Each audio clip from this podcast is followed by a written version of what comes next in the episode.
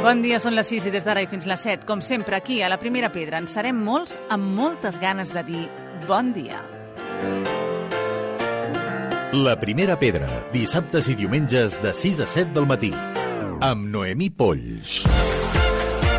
El món extreu cada any 103.000 milions de tones de productes i només en fixa 26. El 65% el dispersem a l'aire, a l'aigua, als abocadors i en reciclem només un 9%. Tots tenim clar que cal cuidar el planeta perquè els seus recursos són finits, però com ens cal viure avui dia per respectar-lo? Joan Vila és enginyer industrial i en tecnologia de paper, empresari, professor i autor del llibre La fi de l'abundància. Joan Vila, molt bon dia. Hola, bon dia. El subtítol del llibre ja pregunta creixement sostenible o de creixement estable? Cap a un benestar eficient i frugal. Què és un benestar eficient i frugal? Consumir només el necessari? Seria això? Exactament. Consumir només el que necessites i no eh, consumir per consumir. Perquè, d'alguna manera, el món, des de fa molts anys, de fet, des de, de l'any 1980, s'ha posat en un creixement eh, fent servir un paradigma que és que eh, ser feliç eh, és consumir més. I, per tant, doncs, això és un engany psicològic que, ens ha, que l'economia doncs, ens ha colat a, a la resta de, de, de les persones. Per tant, caldria un canvi d'actitud, un canvi de mentalitat i tornar una mica enrere, és a dir, en els anys de gairebé de postguerra o, o no, no altra tant, època? no tant. No tant? No tant, no tant. Als anys 70. Als anys 70 jo entenc que eh, encara consumíem el que necessitàvem. Tot i que, eh, fixa't que el, el text de Roma doncs, eh, és de l'any 1970, per tant el Club de Roma és del 1970. Eh, I ja, ja llavors ja, ja, ja, ja, ja anaven donant pistes de que la cosa no anava bé, però fer, eh, diríem, posant-ho així eh, gruixut, eh, un retorn a les maneres de fer de l'any 1970. I què va, amb què es basarien aquestes maneres de fer d'aquella època? Doncs eh, no viatjar amb avió si no és necessari, eh, fer vacances i recorreguts doncs, eh, amb un radi raonable doncs, de, de 100 quilòmetres, eh, vestir, no canviar el vestit doncs, eh, perquè ve una moda que, que, que ens fa canviar la manera de vestir, eh, menjar, menjar frugal, com ja, ja sabem doncs, de la, la dieta mediterrània, eh, fer una vida doncs, eh, amb amics. Jo parlo de, de, de retorn a la tribu, és a dir, on l'individu doncs, se sent eh, respectat dintre del seu grup, eh, fer activitats, eh, diríem, locals, eh, vol dir doncs, eh, potenciar dintre els pobles les activitats, els barris de les ciutats potenciar les activitats, fer eh, caus, eh, clubs de, de tot, clubs de música, clubs de, eh, esportius, eh, clubs de teatre, mm, no res que no féssim en aquells anys 70. Uh -huh. Parleu també de millorar la productivitat, però aquesta productivitat, si la millorem, produirem més? O no es tracta d'això sí, tampoc? No, eh, és que és clar, eh, hi ha un... No, no, hi ha una... Està bé això, està, hi ha una confusió eh, amb la paraula productivitat. Uh -huh. Um, de fet, diríem, tothom entén productivitat a produir més coses per càpita, uh -huh. ¿vale? però quan jo parlo de productivitat parlo del PTF, que vol dir productivitat total dels factors. I aquesta productivitat no depèn de la quantitat de deute o de diner que injectem en el sistema, sinó que depèn del que és capaç de desenvolupar la tecnologia. Per exemple, eh, és, és evident de que el telèfon, el telèfon mòbil, eh, el telèfon intel·ligent, doncs, eh, ens ha portat doncs, un augment de la productivitat. Eh, està claríssim que la intel·ligència artificial ens aportarà un, un augment de productivitat. Eh, les renovables eh, ens aportaran un augment de la productivitat. El cotxe elèctric ens aporta un augment de, de, de la productivitat. Eh, la bomba de clons aportarà eh, un augment. Eh, la proteïna artificial i la proteïna vegetal ens portarà un augment de productivitat. Però aquests augments de productivitat són realment petits. Són, eh, Catalunya han sigut en els darrers eh, 20 anys de, del 0,12%, eh, lluny del 3% o el 4% que crescut l'economia. Clar, eh, viure amb un creixement eh, proper a zero, és a dir, molt petit, basat només en la productivitat, diríem que és capaç de desenvolupar la intel·ligència, eh, doncs és un canvi de paradigma important. Eh, I això doncs, porta a haver de canviar els hàbits de, de consum. Uh -huh. És a dir, però, eh, consumir menys, però mm, de més qualitat. Uh, per Evident. exemple, eh, en comptes de comprar un cotxe qualsevol, comprar un cotxe uh, que sigui elèctric. O... O, o, o, o, no comprar el cotxe. O no és comprar dir, el cotxe. Sí, sí, no, no, és que és possible, diguem, el cotxe compartit és una, és una acció, uh. -huh. però eh, quan parlem del cotxe elèctric, parlem també del cotxe elèctric autònom de flota. Què vol dir?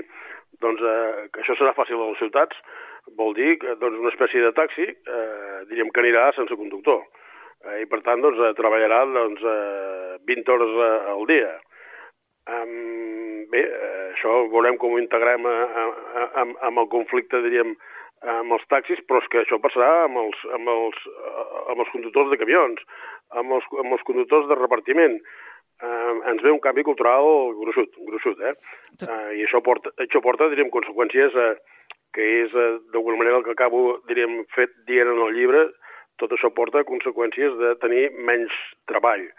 I això, doncs, eh, ens porta a, revertir, a haver de repartir el treball, a haver de viure amb menys ingressos i, per tant, doncs, el conflicte major de tot plegat de tot això doncs és un habitatge que no podem pagar. Clar, eh, al final també acabem amb una lluita de classes, és a dir, la classe més baixa potser seguirà patint més, fins i tot? Mm, bueno, eh, una de les coses que jo proposo en el llibre és justament eh, fugir de la renda bàsica perquè em fa por que aquesta renda bàsica porti a la gent doncs, a, a estar, diríem, a, marginada de la societat i a caure doncs, en el món de la droga com, com, com està passant una mica als Estats Units. No? Uh -huh. um, jo proposo, jo proposo donar feina a tothom. És a dir, en lloc de donar subsidis, donar feina a tothom.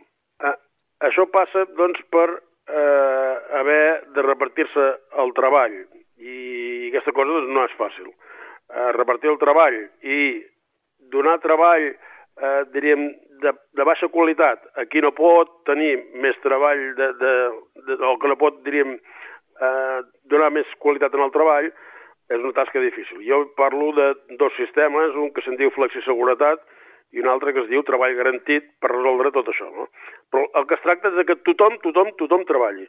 Eh, treballar, diríem, eh, fa que l'individu doncs, eh, eh, tingui, eh, eh, recuperi la dignitat, eh, que se senti útil a la societat.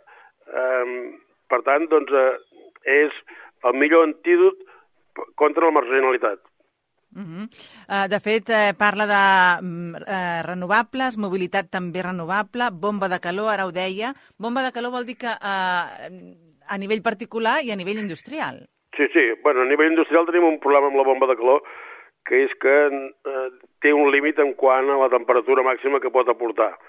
Clar, una cosa és, eh, diríem, climatitzar a 20, 20 i pico graus o a menys ai, a 7 graus o fins i tot a, diríem, per sota zero, eh, i una altra cosa és eh, doncs, obtenir temperatures doncs, de, de 400 o 500 graus. Això és més complicat i això doncs, ens, ens, ens força a fer eh, altres deures que ara no estan fent.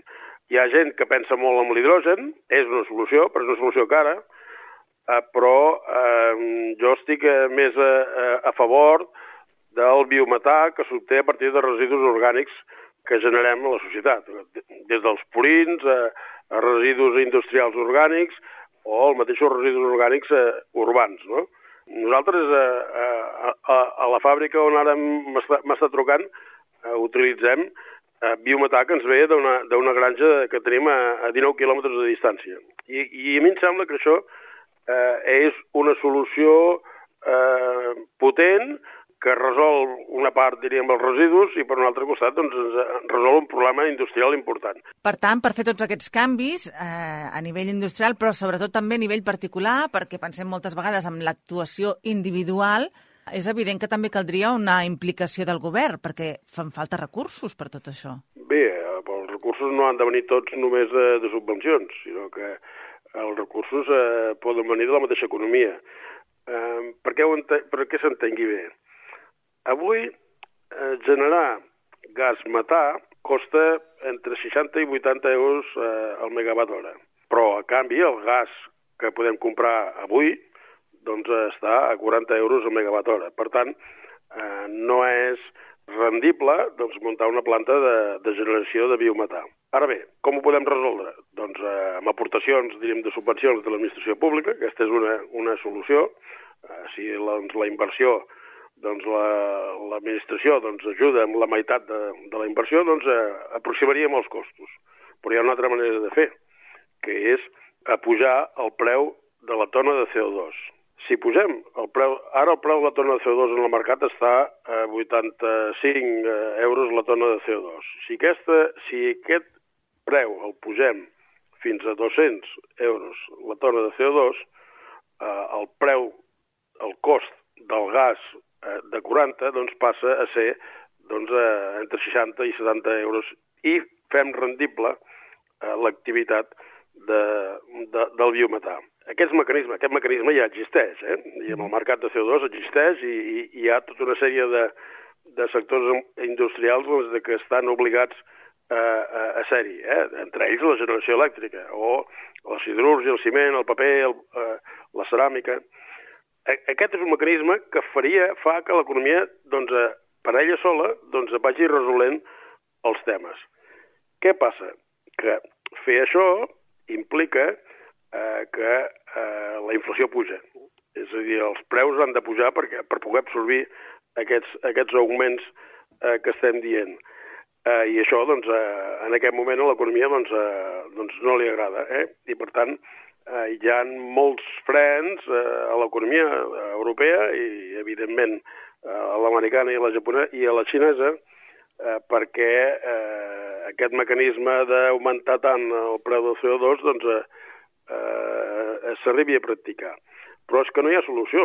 És, a dir, eh, si triem la via de que sigui el sector públic el que aporti eh, una part de la inversió, el sector públic s'ha d'endeutar i endeutant-se està fent que també eh, a través del Banc, eh, del Banc Central Europeu, que ha de generar més diner, doncs eh, està fent també que la inflació pugi. Per tant, les dues vies ens porten a que la inflació ha de pujar. I no hi ha gaire més solució. És a dir, és el que tenim. O resolem el canvi climàtic o no resolem, però sigui la via quina sigui, és dura. És eh, una via, diríem que no és de, de plaer, sinó que és eh, exigent. És una, és una via que ens, ens obliga a reconduir els nostres hàbits de consum. Uh -huh. No és un camí fàcil, que passa també, per exemple, pel consum, eh, en el cas de l'alimentació, de proteïna no animal? Però, sí, sí, sí, és així. Eh, eh, la proteïna segurament no animal, la de fermentació, eh, serà més barata que la proteïna animal. Però fixis, eh, diríem, eh, no fer els deures i deixar que el, el canvi climàtic vagi eh, avançant, ens porta que les collites són, són cada vegada més difícils i, per tant, els preus eh, més alts. I això anirà increixent, és a dir, això, això no, no frenarà. Eh, ja no li dic res de lo que, lo que pot passar amb l'aigua. Eh? Fem el que fem, serà dur, i per tant, el que és millor és anticipar les accions i no deixar que es vagi podrint diríem, el, el, el camí que anem fent. Doncs, com dèiem, un camí dur, però que és necessari. Aquest, la fi de l'abundància eh, que parlàvem ara és aquest llibre eh, de l'editorial Icària, eh, de l'autor del qual és en Joan Vila, i avui el, hem volgut comentar justament amb ell aquest creixement sostenible o de creixement estable, aquesta pregunta que es fa i cap a un benestar eficient i frugal, que és la intenció d'aquesta tesi. Moltíssimes gràcies, Joan Vila. Gràcies a vosaltres. La primera pedra, dissabtes i diumenges de 6 a 7 del matí. Amb Noemí Polls.